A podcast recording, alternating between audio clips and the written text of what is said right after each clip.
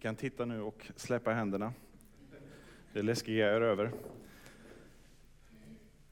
Vem kan man lita på? Är frågan för den här söndagen. Eh, och eh, kommer, eh, frågan kommer utifrån den här filmen. Det var vad som vaknade i mig när, när vi tittar på de här filmklippen som, som vi har under de här adventshelgerna. Så blir frågan, vem kan man lita på egentligen? Vi fick möta här kung Herodes som var kung i Judeen, eh, i den här romerska provinsen under Jesu tid. Han var en lydkung under den romerska kejsaren.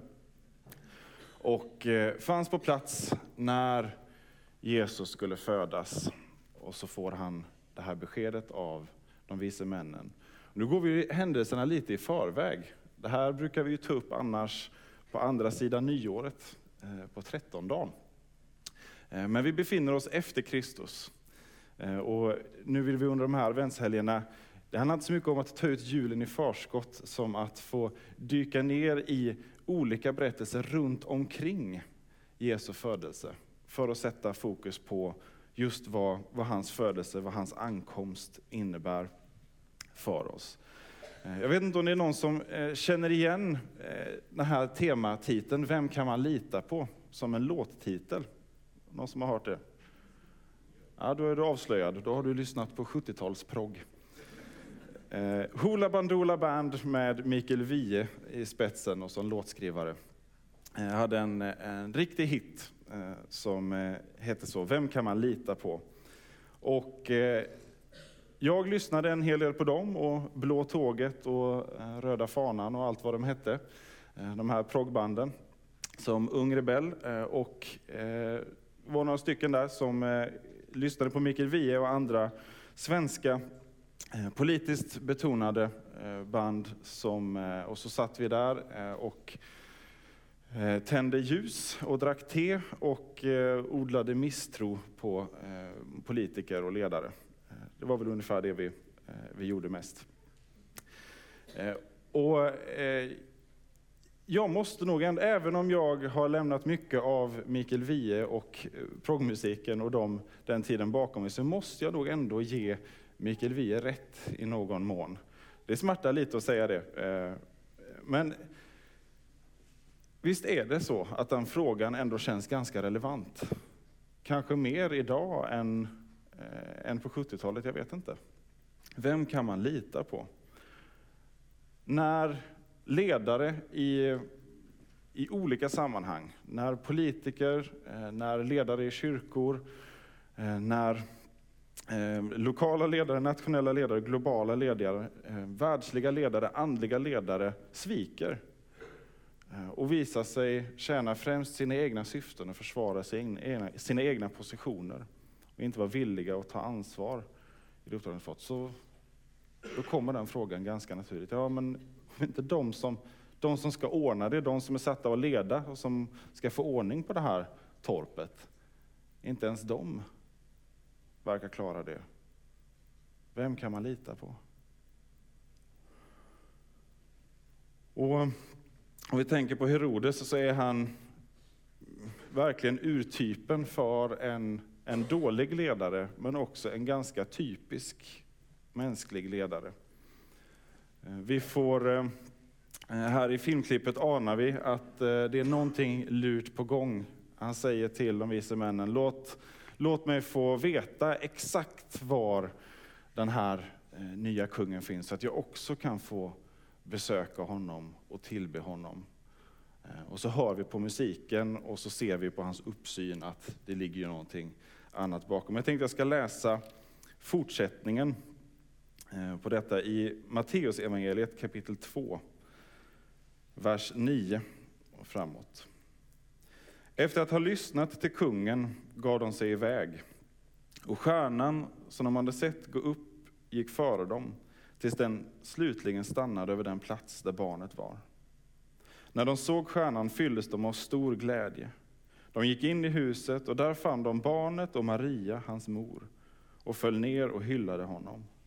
De öppnade sina kistor och räckte fram gåvor, guld och rökelse och myrra. I en dröm blev de sedan tillsagda att inte återvända till Herodes och de tog en annan väg hem till sitt land. Så de får en varning de här männen som har känt igen Guds tecken på himlen. Eh, Bibeln talar om att Gud har satt solen och månen och stjärnorna på himlen till att tala om, om tider, eh, om högtider och om tecken. Och Gud väljer att handla under de här eh, tiderna. Och de, de vissa männen, vi vet inte så mycket om dem, mer än att de kom österifrån då. Och att de kanske var tre. De gav tre gåvor i alla fall. Och så eh, på något sätt känner de igen när Gud är i görningen och har eh, låtit den här stjärnan blåsa upp över Betlehem och de följer den och Gud låter dem få, få komma fram till, till Messias. Och så talar han också till dem i en dröm och varnar dem för att Herodes är inte att lita på. Så vänd inte tillbaka till Jerusalem och till honom, Eh, utan undvik honom. Herodes är inte att lita på. Eh, och vi ser sen också att det stämmer. När Herodes till slut ändå får reda på att det är eh, var det här barnet finns, ja då ser han till att döda alla gossebarn i omgivningen där för att säkerställa att den här nya kungen inte blir något hot mot honom.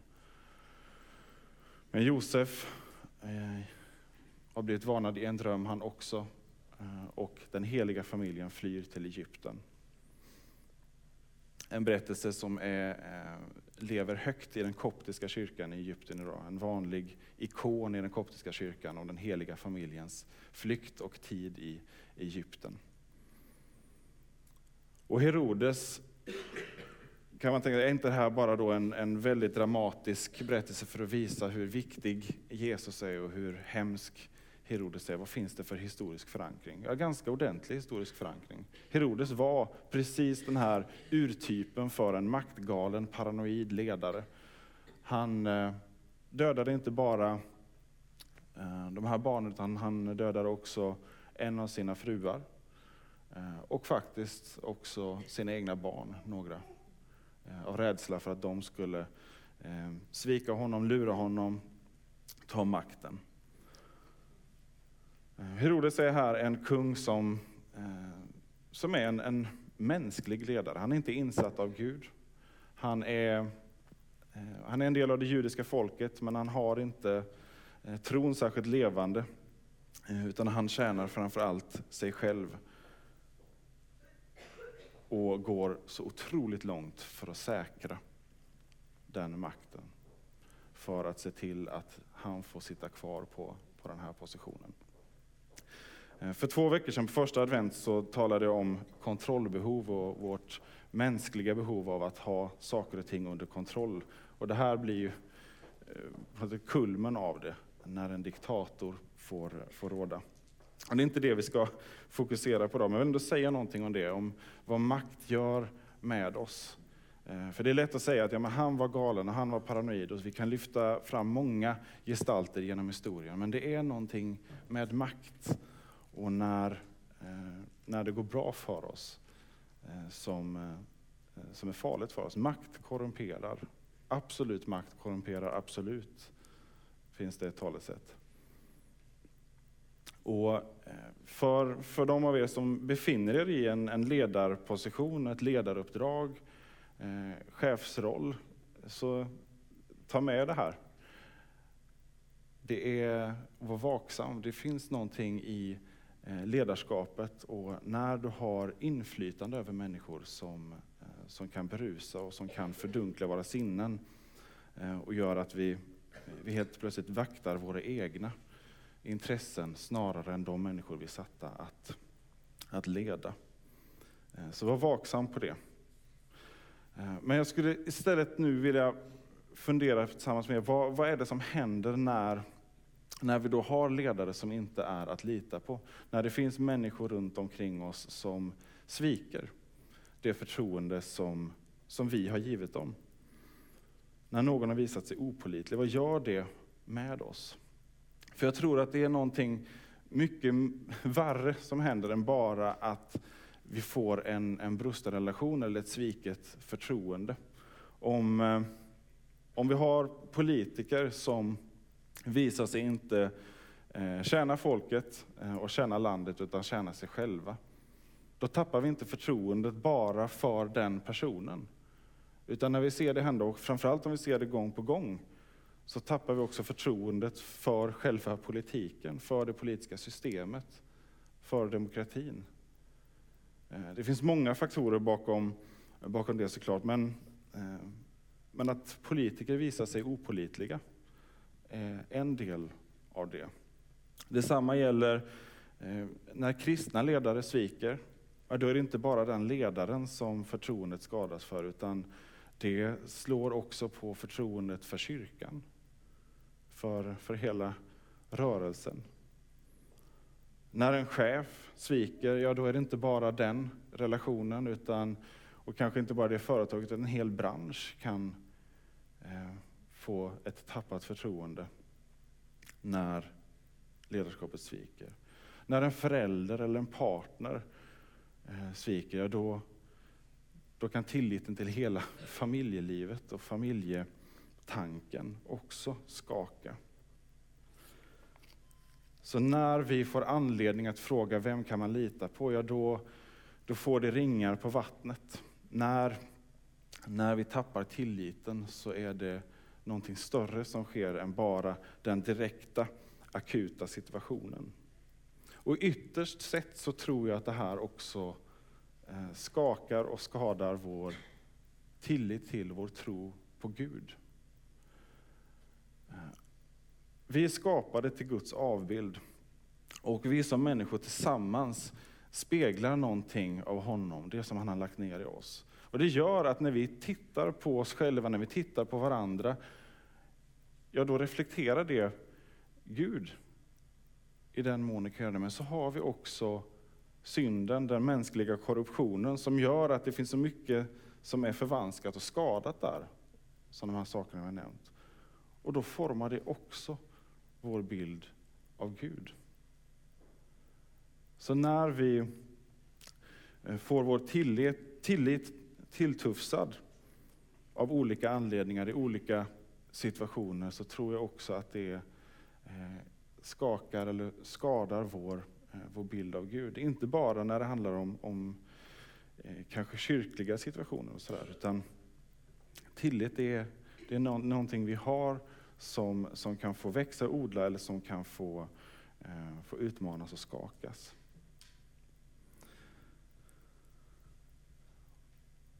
Och nu vill jag vara lite radikal och utmanande här inför juletid.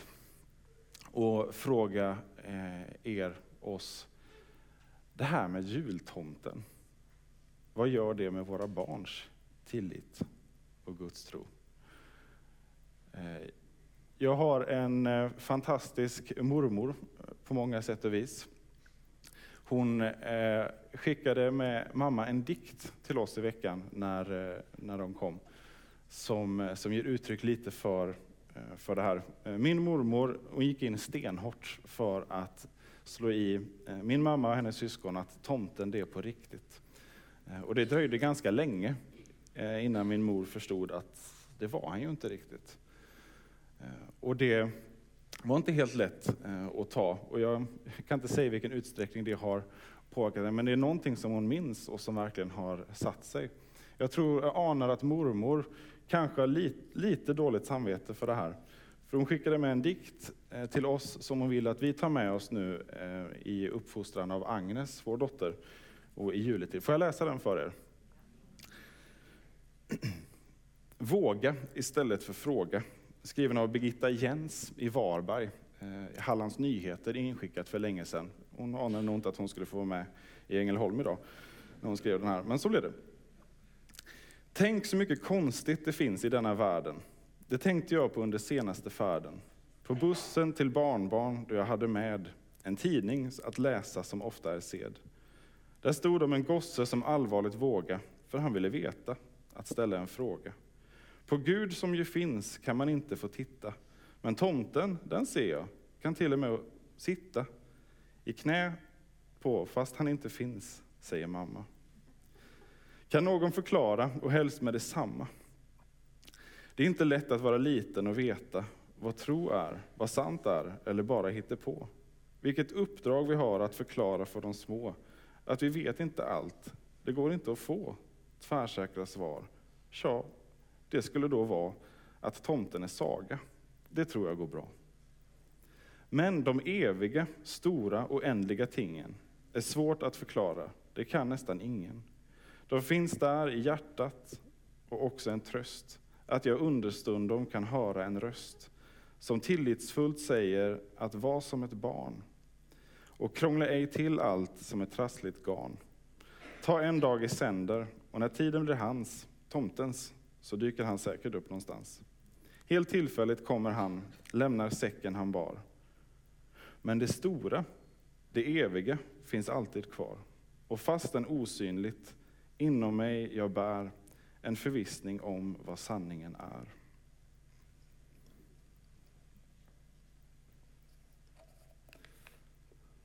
Så efter att ha fått det från mormor så fick vi bestämma oss för att det blir ingenting med tomte eh, hittepå och sådär. Vi får ju vara pedagogiska från början och förklara att det här är en rolig grej att göra, men det är, det är inte på riktigt. sticka hål på illusionen. Nej, men vad vill jag åt med det här? Ja, eh, det kan tyckas som en, en, eh, en liten grej, det här med, med tomten, men jag tror att det är de här små grejerna Eh, små, små sår här och där. Eh, tomten bara en, en liten grej och kanske inte alls, eh, alls det värsta man kan eh, göra. Men jag tror att det finns någonting i det. Eh, och alla de här små bitarna runt om i livet där vår tillit skadas, som också gör det svårt för oss att tro på Gud. Och framförallt tro då i den betydelsen som, som tro har i Bibeln. Ibland talar vi lite slarvigt om tro. Eh, som jag, jag tror att han finns. Eh, men tro, det ordet som, som Bibeln använder, handlar om tillit, att lita på.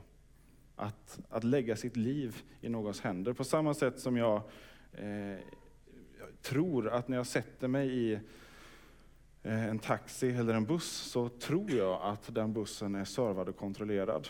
Eh, taxin har fungerande bromsar, det är en utbildad chaufför som har eh, eh, ja, uppfattning och, och omdöme med sig. Eh, det är inte bara en vild chansning och att jag tror att det kanske är så, utan det, det finns goda skäl. Och då kan jag faktiskt också på det sättet lägga mitt liv i den personens händer för stunden.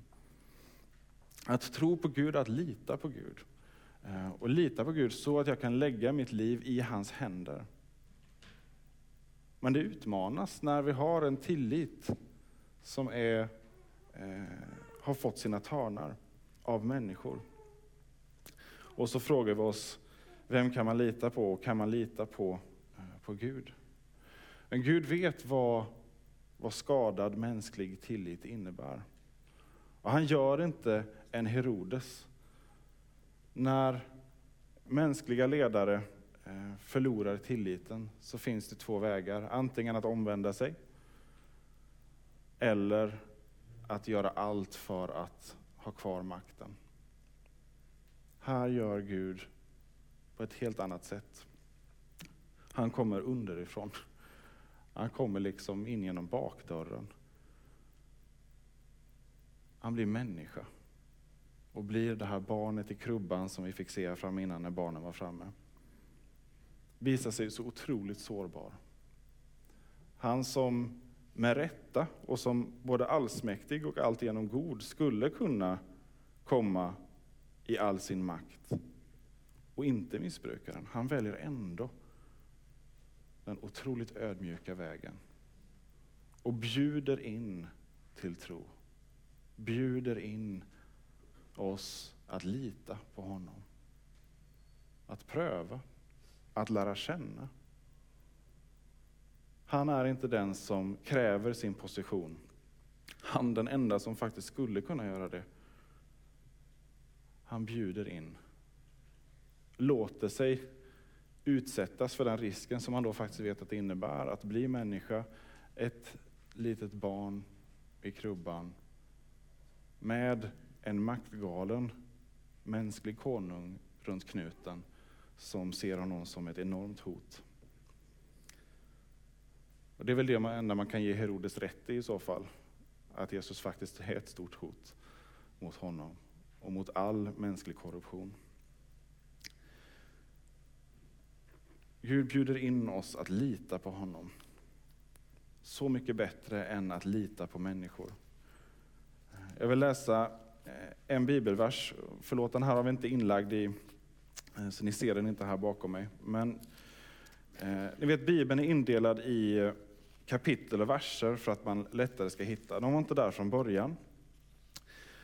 Utan det har man systematiserat efteråt. Eh, och så kan man göra lite roliga räkneexempel på hur många verser finns det och, och sådär. Om man skulle räkna då alla verser som finns i Bibeln och så tar man den mittersta. Alltså vilken vers har lika många verser före som efter sig? Så hamnar man i eh, Saltaren och det är inte så konstigt för det är en tjock bok i Gamla Testamentet, mitt i. I psalm 118, vers 8. Eh, och det här kan ni, kan ni skriva upp om ni vill. Eh, Psalm 118, vers 8, det är ett ord som är värt att återkomma till. Eh, när vi frågar oss, vem kan man lita på? När politiker inte verkar kunna få ordning, när eh, ledare och vänner, människor runt omkring oss sviker som vi har litat på, så kan vi läsa Saltaren 118.8. Det är bättre att ty sig till Herren än att lita på människors hjälp. Det är bättre att ty sig till Herren än att lita på människors hjälp. allt det vi önskar från andra, från varandra och också från oss själva. Men som vi egentligen bara kan få från Gud. Det är, är dömt att skapa besvikelse hos oss om vi placerar den, den förtröstan hos oss själva eller hos varandra. För mig, mina, eh, mina rebellår med Mikael Wiehe i högtalarna, eh, så var det ett ständigt sökande också efter någon att lita på. Eh, och ena månaden var jag vegan och nästa månad var jag anarkist. Ena månaden var det Thomas Di Leva och nästa månad var det någon hårdrocks... Alltså, jag jagade efter en fast punkt efter ro. Och så hittade jag den kristna tron och det blev för mig som för den gamla kyrkofadern Augustinus ett välkänt citat från när han beskriver sitt liv. Mitt hjärta var oroligt till dess det fanns, fann vila hos Gud. Mitt hjärta var oroligt till dess det fann vila hos Gud. Eh, och det är nu ganska exakt halva mitt liv sedan jag landade i det. Eh, det blev inte bara ytterligare en trend, ytterligare en sak att söka och testa, eh, även om det kanske började så. Jag fann tron, jag fann den friden, jag fann den tilliten som jag inte hittade någon annanstans. Den fann jag hos Jesus. Och gång på gång så får vi de här vittnesbörden om när allt annat skakar så finns det bara en. När Josef fick sitt besked från Maria att hon väntar barn. Eh, vi fick se det första adventet, filmklipp på det. Ja, då skakas ju såklart hans tillit. Var finner han tilliten igen? hos Gud som talar till honom och visar honom vilken väg han ska gå. De vise männen, de är på väg att bli medbrottslingar till ett fruktansvärt brott. Gud räddar deras tillit som kunde ha krossats fullständigt av Herodes. Att lita på Gud det sätts på sin spets sen när Josef måste ta familjen med och fly till Egypten. Men tack vare att han litar på Gud så håller det genom hela vägen. Och jag hoppas att vi nu när vi kommer till julen, att vi kan få, få se på Jesus och att vi får fyllas eh, av samma tro, av samma insikt som, som de här männen få samma möte som de vise männen fick. När de såg stjärnan fylldes de av stor glädje. De gick in i huset och där fann de barnet och Maria, hans mor, och föll ner och hyllade honom. De öppnade sina kistor och räckte fram gåvor, guld och rökelse och myrra. Låt oss be. Tack Fader för att du kallar oss till oss, att du bjuder in oss och komma till dig. Men tack framför allt för att du är den som har kommit till oss. Tack för att du eh, har gett oss din son Jesus Kristus eh, och kommit nära oss så att vi kan komma nära dig. Eh, jag ber om din nåd över oss nu, att vi får, får tro, skapa tro i oss ber om, eh, om nåden att få eh, bli helade och upprättade från de gånger som människor har svikit oss och där, eh, där vi tappar tillit eh, till ledare och där vi, eh, där vi inte vet vem vi kan lita på längre. Tack Jesus för att du är en som, som vi kan lita på, som vi kan följa utan eh, rädsla för vad det vad det kommer leda till eller vad som eh, står på spel. Hjälp oss att lita på dig, hjälp oss att tro. Hjälp oss att få, få dela med oss av det eh, nu och tiden som ligger framför. Låt oss inte stanna upp vid oss, eh, oss själva och vårt eget möte med dig bara, utan låt oss få, få ge det vi har, våra gåvor, vår, vårt kull, vår rökelse, vår myrra. Hjälp oss att få, få bli eh, verktyg i dina händer, få bli dina tjänare som, som bär med oss eh, den här tron, den här tilliten, eh, sann julfrid ut till de som vi möter.